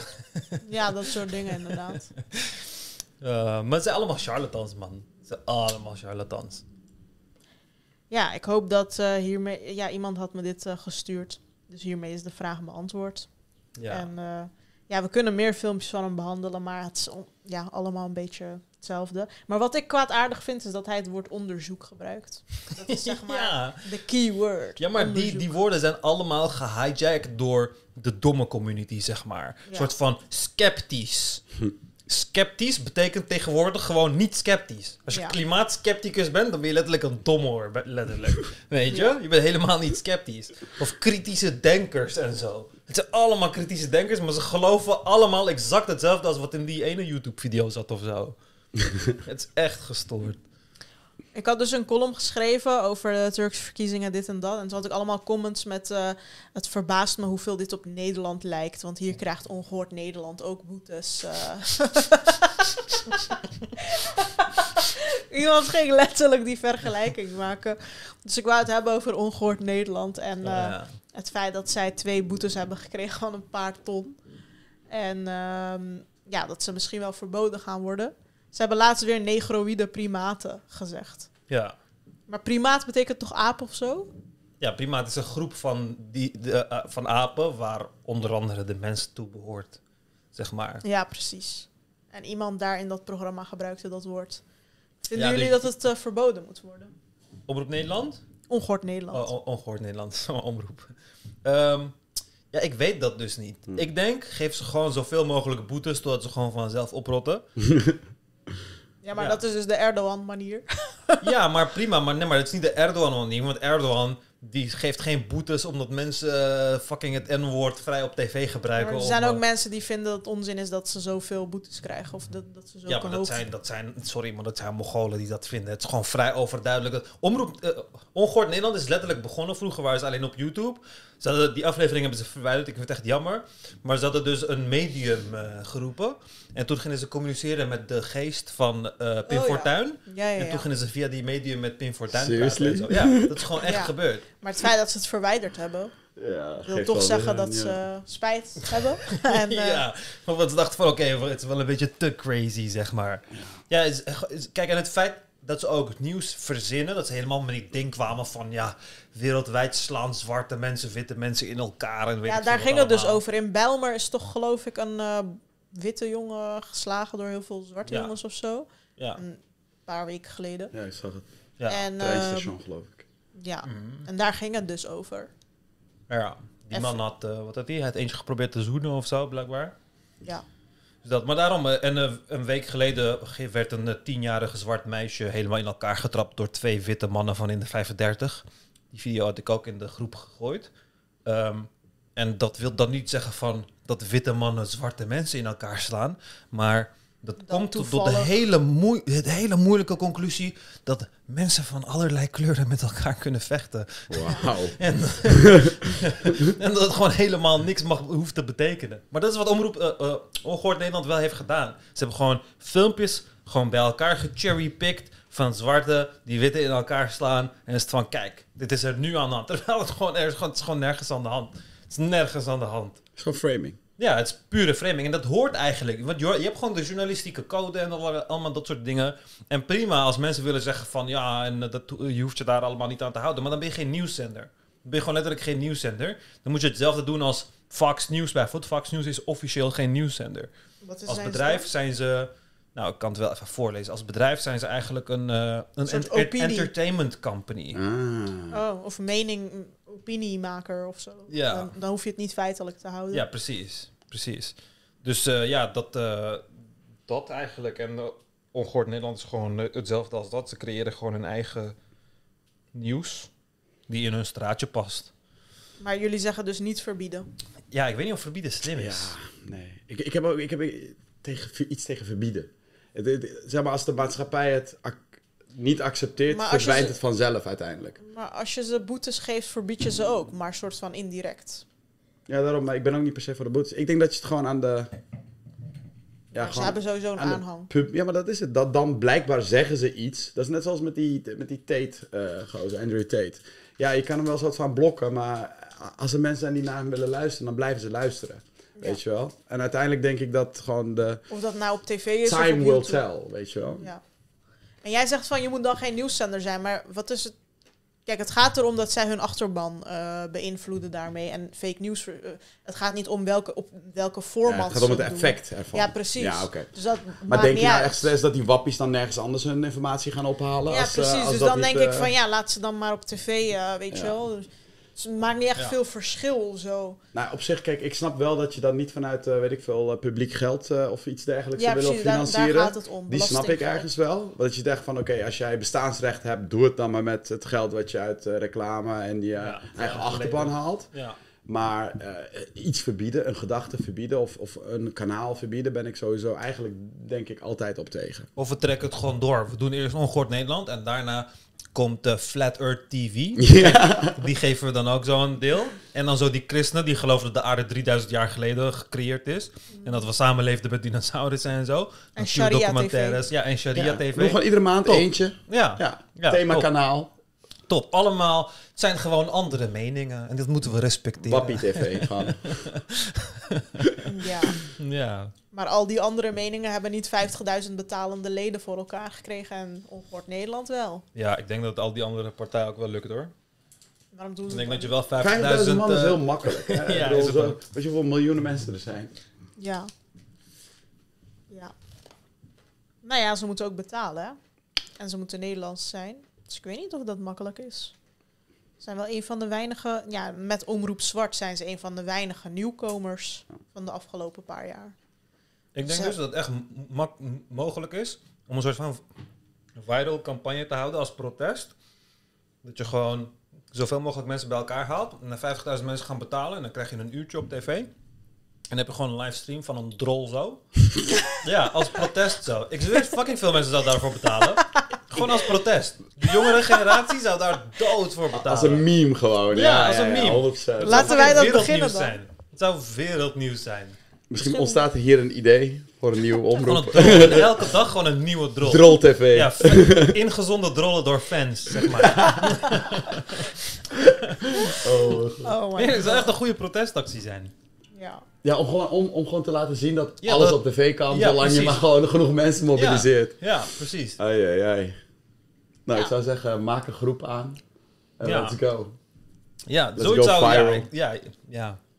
Als je gewoon een beetje achterban hebt... Lubach zou het makkelijk voor elkaar kunnen Ja. krijgen. Oh ja, ja. Makkelijk. Makkelijk. Ja, Lubach is nu weer Ik, van zeg, tv. ik zou nog mee betalen ook. Gewoon, Ja, gewoon voor, de, voor de giggles. Ja. Ja, in Nederland zie ik dat wel gebeuren, ja. Ja. Nou, ik, ik kom er niet echt uit. Wat ik daarvan vind. Maar ja. Ja, boetes Je kan het ook gewoon negeren. Hè? Ik bedoel, dat is wat ik doe met heel veel wappies. ja. Nee, precies. Je kan het sowieso negeren. Maar als je een standpunt moet innemen... omdat bijvoorbeeld mensen zeggen... waarom schrijf je daar geen column Mm. over of zo... dan kom ik er niet echt uit. Ik denk juist dat het negeren ook een standpunt is. Oh ja. Dat, dat, dat heb ik dan mezelf soort van voorgenomen. Dat als mensen met onderwerpen of met eh, meningen komen waarvan ik denk van dat staat zo ver van de realiteit. Denk ik van ik negeer gewoon, dat is dan mijn standpunt. Gewoon alsof je niet bestaat. ja, ik heb dat soms ook wel. Dan denk ik zo van, oh, oh, jij bent gek. Oh, oké, Ja, sorry. ja, ja. Sorry man, ik zal, eh, ik, zal bij, ik zal aan mezelf gaan werken. Ja. Ja, maar dat helpt hoor. Dat, dat hielp bij mij ook om eh, minder fel te zijn tegen moslims. Door ze in plaats van kwaadaardig te zien als Gehandicapt. Ja, gewoon onwetend. ja, gewoon zo onwetend. Het is als een kind weet. Het is, al- het is, boos worden op een moslim van oh je bent kankerdom dat je in dit en dat gelooft. Is hetzelfde als schreeuwen tegen een kind. Maar Ja, dan voelen ze zich weer niet serieus genomen. Ja, maar, ja, maar Dat prima. is toch je hoeft wat die iedereen ook niet serieus. Turken je, hebt je hebt toevallig geen wet om mensen serieus te nemen. Dus ja, het staat in geen enkele grondwet. Ik hoef je niet serieus te nemen. Je mag leven, ik respecteer je, maar ik neem je niet Ja. serieus. Maar dan gaan ze zich weer organiseren. Komen ze in de politiek, komen ze op tv. Oh, hebben ze oh, eigen oh. dingen. Ja. Nee, maar kijk, ik vind dat als er goed, eh, genoeg mensen iets vinden, dan mogen ze er ook wat geluid laten horen. Ik hoef er alleen niet naar te luisteren. Ja. Ja, precies. En dat is precies wat jij zegt. Ik heb daar ook wel echt wel mee geworsteld. Dat ik op een gegeven moment dacht van... Jij bent zo dom. Wat moet ik hiermee? Ja. Eh, volgende vraag. Ja, er was een hele hetze over de badpak van eh Eloïse. Dus iemand van het Koninklijk Huis. Zij droeg een ik heb badpak. het een klein beetje meegekregen. En toen ging elke influencer ook een badpak aandoen. eh. Echt, is dat echt gebeurd? ja, Zelfs, fuck zelfs is- fucking Patty Bart. Met haar 75-jarige lichaam. Hallo, geen eh, le- leeftijdshaming hier. Nou, ik shame je wel hoor. ik vind niet dat je na je 70ste met een badpak op tv moet komen. Nou, Bikini had ik nog begrepen. Als je dat, dat badpak vind ik dan nog de meest nee, kijk, het maakt me helemaal schappelijke variant voor een 75-jarige. Wel Nee, maar ik vind überhaupt die actie gewoon dom. Niet- Ik ben wel blij dat we in een land leven waar we toch wel gewoon met z'n allen een enorm kwetsbare eh ehm, grafin van de koninklijke familie met z'n allen kunnen beschermen. Want waar zou ze zijn zonder ons? Ja. Als wij haar niet hadden beschermd, waar zou ze dan zijn? Wat een Ja. mooi, wat een gaaf land zijn we toch? Zo grappig hoeveel aandacht dit kreeg. ja, zo dom, what the fuck. Er waren ook hele van. discussies op tv.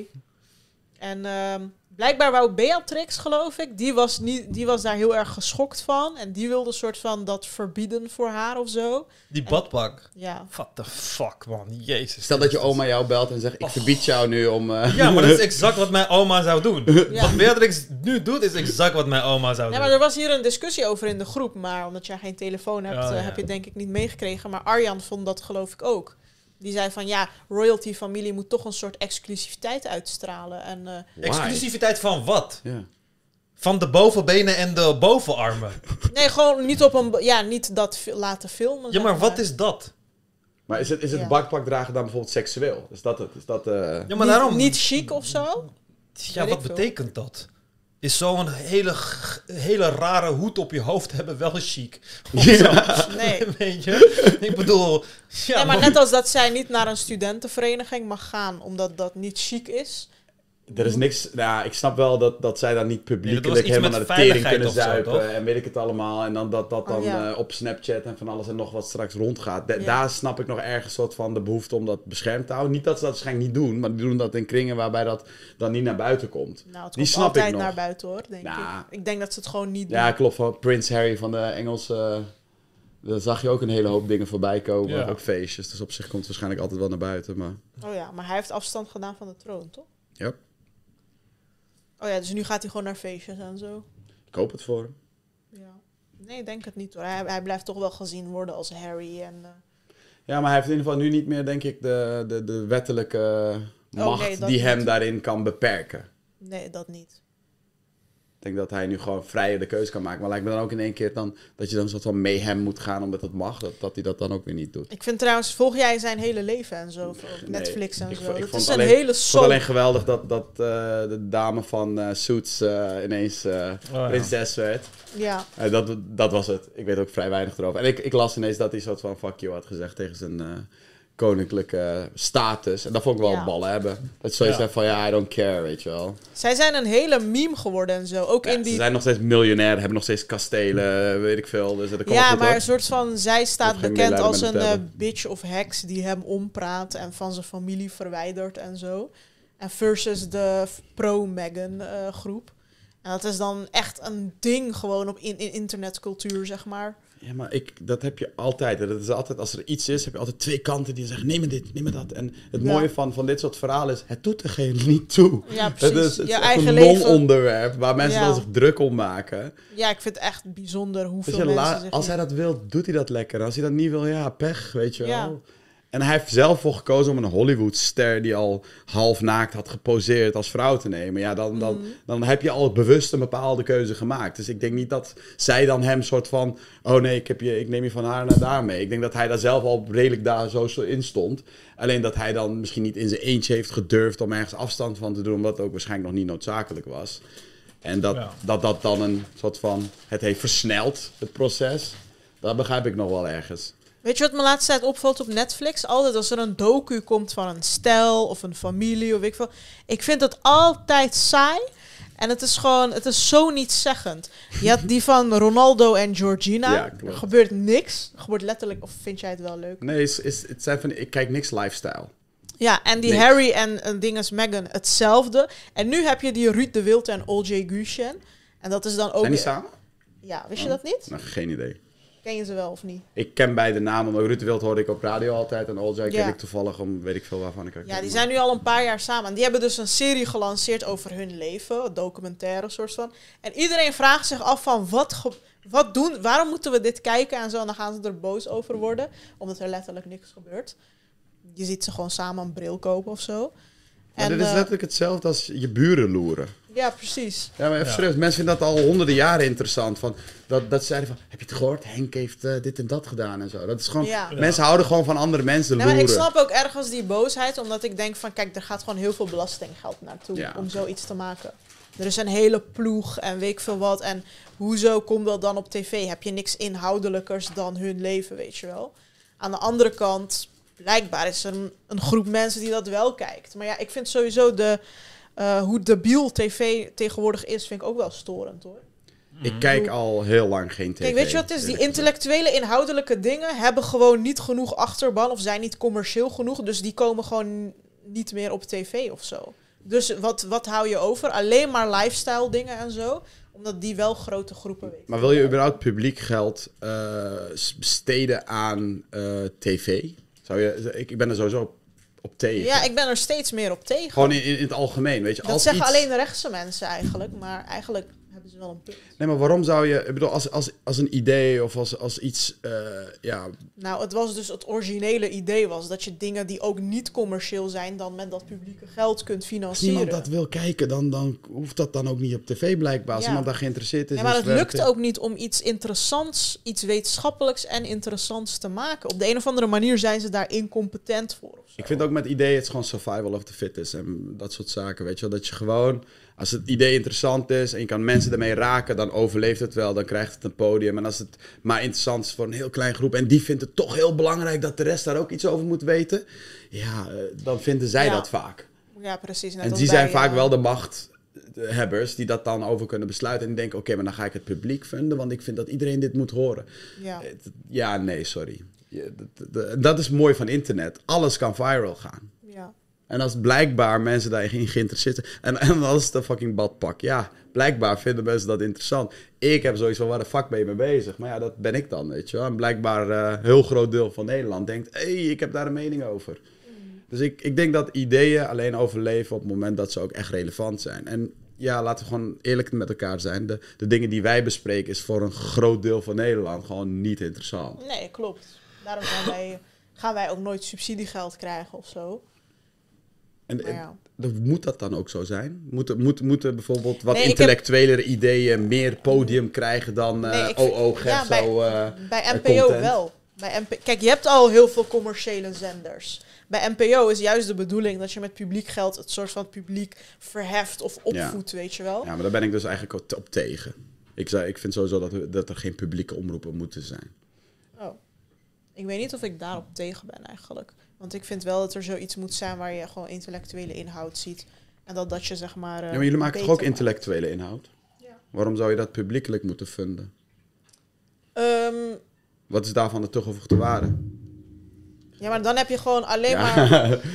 Nee, maar ik vind een wereld waarin je alleen maar domme content op tv, alleen maar commerciële domme content, vind ik niet echt. Ja, wie wordt daar beter van? Nee, nee, ik zei niet dat het dan... Maar, da- maar dan zou het dus eigenlijk zo moeten zijn dat de intellectuele content ook dusdanig relevant zou moeten zijn dat er de, dat daar publiek voor is. En dan komt er geld voor, voor vrij. Als jij Ja. kijkers trekt, krijg jij gewoon geld. Ja, En op dat, de een of andere manier lukt dat eh, niet of zo in Nederland. hebben jullie nooit sponsors?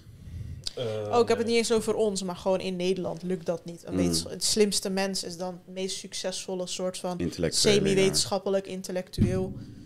Ja, ik denk dat ook tv op een gegeven moment eh, achterhaald gaat worden. Dus dat dat eigenlijk... Ik bedoel, de kranten, hè? Ik bedoel, dat, je leest letterlijk dingen die dan al een week bekend zijn. Bij wijze van.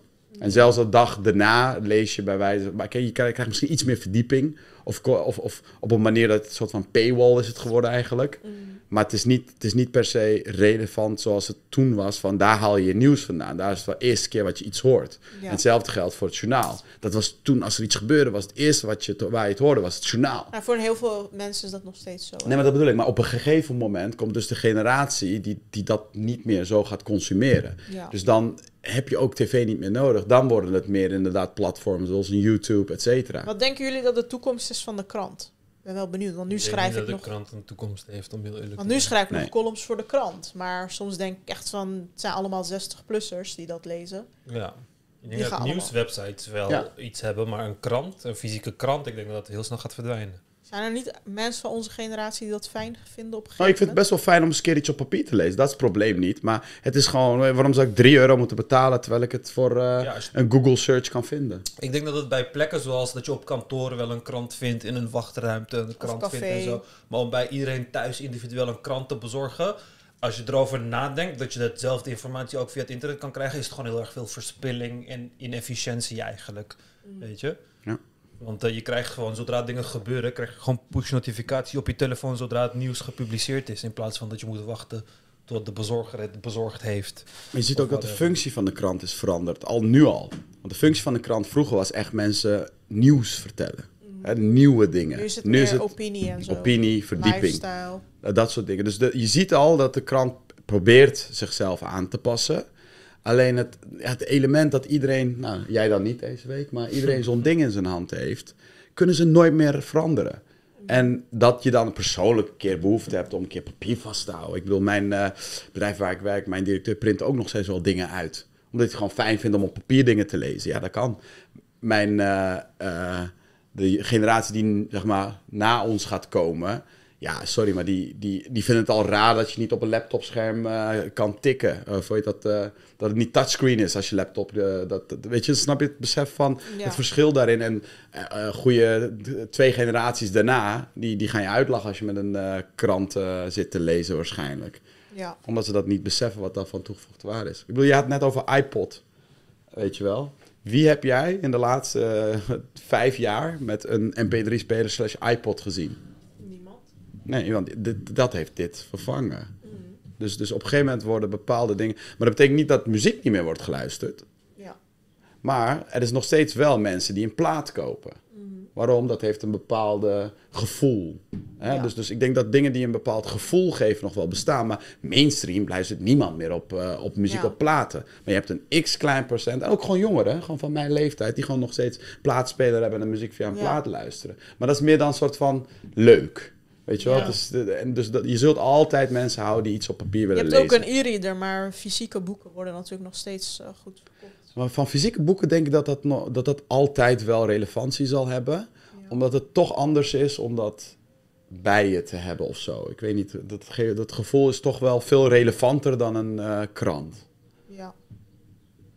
Ja. Ik heb ook mensen gesproken, ja, zo'n kaft en zo vind ik toch eh, een andere beleving, zeggen ze dan. Nee, is ook waar. Dat heb ik ook. ja. Of misschien denken de twee generaties hierna daar heel anders over. Ja, mensen willen ook gewoon het boek behouden om aan anderen te laten zien dat ze het boek hebben gelezen en zo. Ja. Dat is ook een grote factor. Oh ja. Een boekenkast is toch wel een stuk eh, ja, imposanter dan een, eh, E-readertje. ja, een e-reader met 300 bestanden. Maar je bedoelt, dat is ook echt een flex gewoon. Even Ja. 100 boeken in je huis Ja. hebben. Ja. Ja, Maar Maak jij bijvoorbeeld nog fysieke aantekeningen op papier? Nee, nooit. Nooit. ik gebruik zo weinig pen en potlood, Ja. zo weinig dat ik merk nul. dat ik het vergeet gewoon. Ja. Soms krijg ik het in mijn hand gedrukt ergens of zo, En dan fucking denk je, huisarts. wow. Ja, dan denk ik van, wow, ik heb zo lang niet gebruikt. Fucking raar. Ik denk dat je na een tijdje dat ook gewoon niet meer aan kinderen hoeft te leren. Van waarom zou je de tekens zelf met je vingers tekenen? Als je ze ook gewoon Maar kan laten typen. Is het niet zo dat bijvoorbeeld vroeger, eh, toen je aan het leren was of zo, en je, je schreef iets op dat je het beter onthoudt? Ja, want het is, langza het is langzamer. Het is, eh, als je, als je, maar dat is het irritante wat ik vond. Want ik sprak altijd, ik dacht veel sneller. Je denkt altijd veel sneller dan je schrijft. Schrijven is heel langzaam. Dus dan ga je heel snel schrijven en dan wordt het steeds slordiger en weet ik veel wat. Maar als je nette aantekeningen probeert te maken, dan was het echt van de slag van Waterloo. Weet je, dan onthoud je het wel. Ja. In plaats van wanneer je het snel typt, dat is zo gedaan. Ik maak altijd speakbriefjes en daarna had ik ze niet meer nodig. Ja. Want omdat ik ze al echt letterlijk had uitgeschreven, over nagedacht had, omdat het een klein papiertje was, moest je niet alles op kunnen schrijven. Dus op een gegeven moment had ik hem niet meer nodig, omdat ik de hele speakbrief uit mijn hoofd wist. Ja, dus de- ja, dus. Het, het schrijven van dingen heeft bijvoorbeeld nog voor mij van toegevoegde waarde. Heb Omdat jij ik weet, fotografisch geheugen dan? weet ik niet. Ik weet niet hoe... Ik onthoud weet echt niet niet hoe dingen na één keer schrijven hoor. Onthoud je dat? Nee. Niet. Ja, ik heb, als ik het fysiek opschrijf wel. Dus als ik echt fysiek iets dingen schrijf, dus als ik iets moet onthouden, dan doe ik dat ook fysiek vaak. Schrijf ik het even op. ja.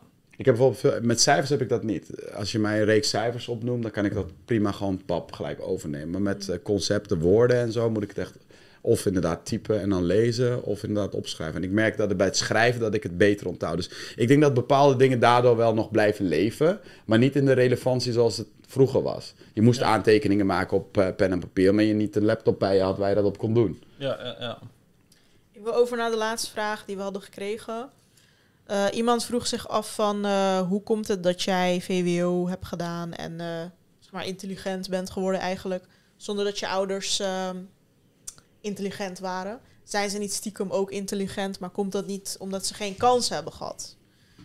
En toen dacht ik van ja, logisch, tuurlijk. Kijk, dat, daar kom je gewoon nooit achter. Want die kans hebben ze nou eenmaal niet gehad om naar school te gaan. Dus je weet dan ook niet waar die intelligentie vandaan komt. Maar het zal ergens in moeten zitten. Eh, want zowel mijn broertje als ik als mijn zusje hebben alle drie VWO. Maar dat is dan niet terug te zien. Dus we weten alle drie niet waar dat dan vandaan komt. Ja. Ja, nou, het komt gewoon van je ouders van. Ja, net En- zeggen. Maar ja, je ouders zijn gewoon een... Maar het kan ook één van de twee zijn. Ja, maar waarschijnlijk is het gewoon bij... Want kijk, de meeste mensen hebben genetisch potentieel om gewoon slim te zijn. De meeste mensen hebben dat gewoon. Alleen, het moet de juiste omstandigheden zijn. Ja. En ja, als je die omstandigheden niet hebt, dan ben je gewoon dom. Dan kun je de beste genen van de hele wereld halen. Maar de genen gaan je niet slimmer maken. De genen pushen je alleen in een bepaalde richting. Maar als er geen richting is om in gepusht te worden... en je leeft in een dorp... Ja, ik weet niet wat je gaat leren in een dorp. Hoe vaak een koe poept of zo. Maar meer ga je niet kunnen leren. Ja, Terwijl- precies. Nou, Terwijl jullie wel, eh, zeg maar, hier in een wereld waren waar je niet compleet afhankelijk bent van je omgeving. Want je kan gewoon buiten het huis om, kun je gewoon het internet op, je kan de bibliotheek in. En de overheid biedt dan die, die cognitieve prikkeling die je thuis dan mist, als het ware.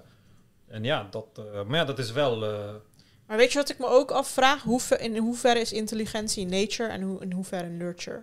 Het hangt dus van de situatie af. Want kijk, als in het, in het geval van jouw ouders is het puur nurture.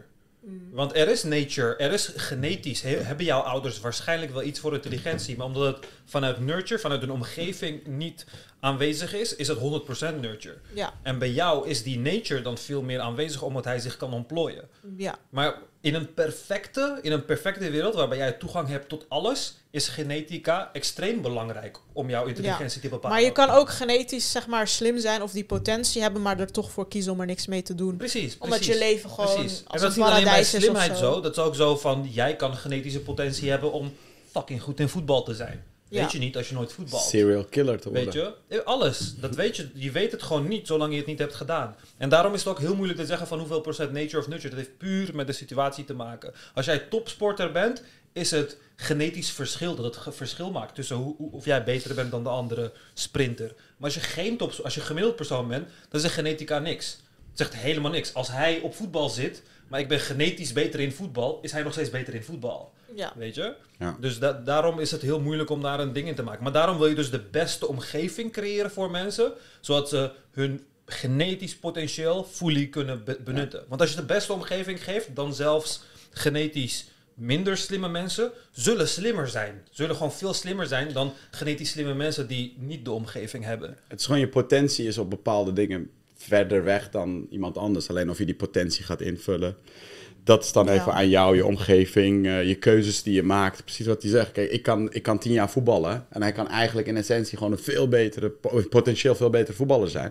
Maar als ik tien jaar ervaring heb en mijn Ja. skill level op dat level, dan speel ik hem eruit. Ja. En dat is gewoon letterlijk met alles zo. En ik denk dat inderdaad jouw ouders, ja, je, moet die, je hebt die genetische potentie meegekregen. Dus ergens komt het van een van je ouders of van beide van je ouders. Alleen ja, dat jullie dat hebben kunnen benutten. Maar het is geen garantie dat mijn kinderen ook weer slim worden, toch? Of ja, de- genetisch heeft gewoon een grotere kans natuurlijk. Maar uiteindelijk, kijk, in de moderne wereld ehm, ja, is, zul je sowieso het ge- genetisch verschil niet heel groot merken. Tenminste, je zult het wel merken, maar gewoon in simpele dingen als eh, schoolniveau en weet ik veel wat allemaal. Ja. Maar, en, maar het is veel meer dat jij gewoon een, een breinprikkelende ervaring voor jouw eh, kind creëert, waardoor die sowieso boven een bepaalde grens uitkomt. Terwijl als jij jouw kind zou baren in eh, een dorp, ja, dan was de kans veel kleiner natuurlijk. Dus nu kun je wel directe, in een, in een moderne samenleving kun je wel directe genetische dingen zien, als het ware. Omdat de negatieve effecten van de omgeving dan soort van wegvallen. Als je dus een gezonde leefomgeving kan bieden. Ja. Maar weet je wat ik me ook af- altijd afvraag? Van, kijk, intelligentie is niet alleen maar VWO kunnen afronden of Mhm. Naar de unie kunnen gaan. Want dat is ook, heeft ook te maken met doorzettingsvermogen, Oh ja, 100%. zitvlees hebben, super goed kunnen leren en opletten Ja. en studeren en daar geduld voor hebben en Mhm. zo. Ritme in je leven. ja, bijvoorbeeld. En je niet kunnen laten afleiden. En eh, su ja, super bewust ervan zijn hoe belangrijk het is later. Ja. dat je het allemaal gaat doen en zo. Terwijl heel veel mensen hebben super veel intelligente po- potentie daarvoor. Maar die worden gewoon onderweg gewoon door iets anders afgeleid. Of krijgen ineens, eh, weet ik veel, denken ze van ja, ik ga DJ worden. Of ik ga gewoon iets totaal anders doen. Of ik ga toch werken. En eh, Meestal werkt dat niet. Dan ben je niet eh, minder intelligent. Nee, dat klopt inderdaad. Maar daarom, we gewoon- kunnen intelligentie ook niet definiëren. En daarom kiezen we voor hele simpele eh, niveauverschillen die we dan in de samenleving hebben. Zoals VWO en HAVO of de universiteit en weet ik veel wat. Maar het zijn gewoon hele, ja, vanwege gebrek aan een betere methodiek om intelligentie te eiken, zeg maar, gebruiken we die, die, die termen. Maar we hebben gewoon geen goede definitie van wat is slim en wat is dom. We kunnen het niet eens goed testen of zo, weet je. Ik ken mensen met fucking hoog IQ die gewoon complete idioten zijn en geloven in Atlantis en weet ik veel wat allemaal. Maar en mensen met laag IQ die gewoon hele zinnige en intelligente dingen zeggen. Dus het is sowieso lastig om daar een bepaald oordeel over te vellen. Maar we weten gewoon dat ehm, hoe beter jouw omgeving, des te beter jij in de intelligentie uitkomt.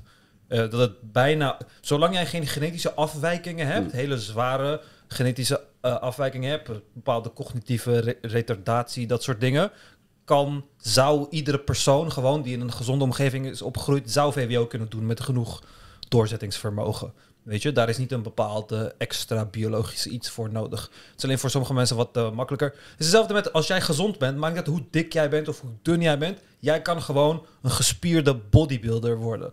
Maakt uit hoe jouw lichaam eruit ziet. Zolang jij een gezond lichaam hebt, geen afwijkingen, kun je een gespierde bodybuilder hebben. Alleen voor sommige mensen gaat het makkelijker zijn. En voor sommige mensen kan het moeilijker zijn. Maar iedereen kan het, uiteindelijk. En dat is best wel powerful, zeg maar. Want dat is voor de eerste keer in de mensheid is dat ook zo. Dat jij die dingen kan. Want vroeger waren het alleen de kinderen die sterk werden geboren. Waren ook degene die sterk in het dorp waren, zeg maar. Maar nu zie je al die tra- transformaties van... Oh, vroeger was ik dun. Nu ben ik kast. Vroeger was ik dik. Maar ik heb mijn leven veranderd en weet ik veel wat. Of vroeger deed ik VMBOT. Nu doe ik, V- doe is e- een van de eerste momenten in de geschiedenis dat dat kan. Omdat je het veel meer eh, moet hebben van jezelf... in plaats omdat je omgeving gewoon in principe al goed is, zeg maar. Dus is dan veel meer dingen als doorzettingsvermogen en zo. En ja, ik vind dat wel een powerful gedachte van... eh, nu kan je meer, zeg maar. Nu kan je in de huidige tijd kan je gewoon bijna alles wat je, waar je je echt voor zet. Ja, Maar als je, je bent, als je dus intelligenter bent, heb je meer kans om ongelukkig te zijn, heb ik net gehoord. ja, ja, want hoge intelligentie... Kijk, hoge intelligentie is exact dezelfde afwijking als lage intelligentie. Een normaal persoon is gewoon IQ 100. Dat is een Mhm. normaal persoon. Want dan kun je ook niet functioneren in de maatschappij. En, Ja, nee, maar omdat het is een fout. Het is Oh. niet normaal. Kijk, het klinkt wel van het is beter en zo. Een soort van als je kort bent, dan wordt er op je neergekeken van oh ja, je bent minder gezond en weet ik veel. Maar als je lang bent, is dezelfde fout. Weet je, een gemiddeld mens is gewoon een gemiddelde lengte. Maar wij zien gewoon voordelen in sterker zijn of langer zijn of slimmer zijn. Maar het is gewoon een fout. Het is een afwijking van de norm. De norm is gewoon gemiddeld gewicht, gemiddeld IQ en weet ik veel wat allemaal. maar heeft het niet voordelen voor de samenleving? Dat Heel veel voordelen voor de samenleving, maar ook heel veel nadelen voor het individu. We hebben veel grotere kans op depressie, veel grotere Ja. kans op zelf. Dat geldt voor, Maar hoezo komt dat dan? Hoezo komt dat dan? omdat je gewoon geen gezond brein hebt. Het is niet gezond. Het werkt niet gezond. Het is als een auto die heel snel kan. Hij gaat het niet lang volhouden, zeg maar. Een normale auto, dan een denk je gewoon te veel na of zo. Of, eh, Nee, het- ja, onder andere. je bent je veel te bewust van de... sowieso is depressie ook... eh, kijk, om heel cynisch te doen, zeg maar. Maar we leven in een wereld waarbij als je de waarheden, waarheden in de wereld aanwijst en duidelijk maakt en laat zien in wat voor afschuwelijke fucked up wereld we leven en je dan daaronder gewoon extreem depressief voelt, wat ook volkomen rationeel en logische reactie is op die gewonnen informatie, dan wordt jou verteld dat je medicijnen moet innemen eh, om jouw depressie van de, de, het besef van de realiteit te onderdrukken en zo Mm. dat, dat wordt meestal gezegd. En dat is deels ook zo, want om gelukkig te zijn in de wereld waarin je toegang hebt tot alle informatie, eh, inclusief alle negatieve informatie, hoor je eigenlijk een beetje de realiteit te negeren, als het ware. En te focussen op, oh ja, ik weet dat er mensen worden vermoord en dieren worden vermoord en mensen worden verkracht en mensen hebben geen rechten, maar ik moet focussen op mijn eigen leven, want dat is belangrijk en zo. En domme mensen kunnen dat beter. Ja, mensen die weinig nadenken, die zichzelf heel makkelijk kunnen afleiden, die kunnen dat veel beter dan mensen die constant aan dingen moeten denken. En maar extreem domme mensen kunnen dat dan weer niet. Dus het is gewoon gemiddelde mensen. Dus de, de risico's die eh hoogbegaafde mensen hebben, hebben de, hebben de laagbegaafde mensen ook. Hogere kans op schizofrenie ook, bijvoorbeeld hogere kans op depressie, zelfmoord, weet ik veel wat, al die dingen. Dus heb je aan beide kanten van het spectrum. Alleen domme mensen worden gewoon op neergekeken. Maar het is exact dezelfde fout. Maar het is gewoon van, ja, slim is gewoon handig. Het is impressive en dan kijken we er eh, van op. Maar over het algemeen, eh, als je gelukkig wil zijn, moet je gewoon gemiddeld zijn. Dat is het beste. Oké, daarmee wil ik deze aflevering afsluiten. Dankjewel voor het kijken. Donateur worden kan op ikgaleven.backme.org. En ehm, vergeet niet te liken en te commenten. Tot de volgende keer. Tot de volgende keer. Hoi hoi.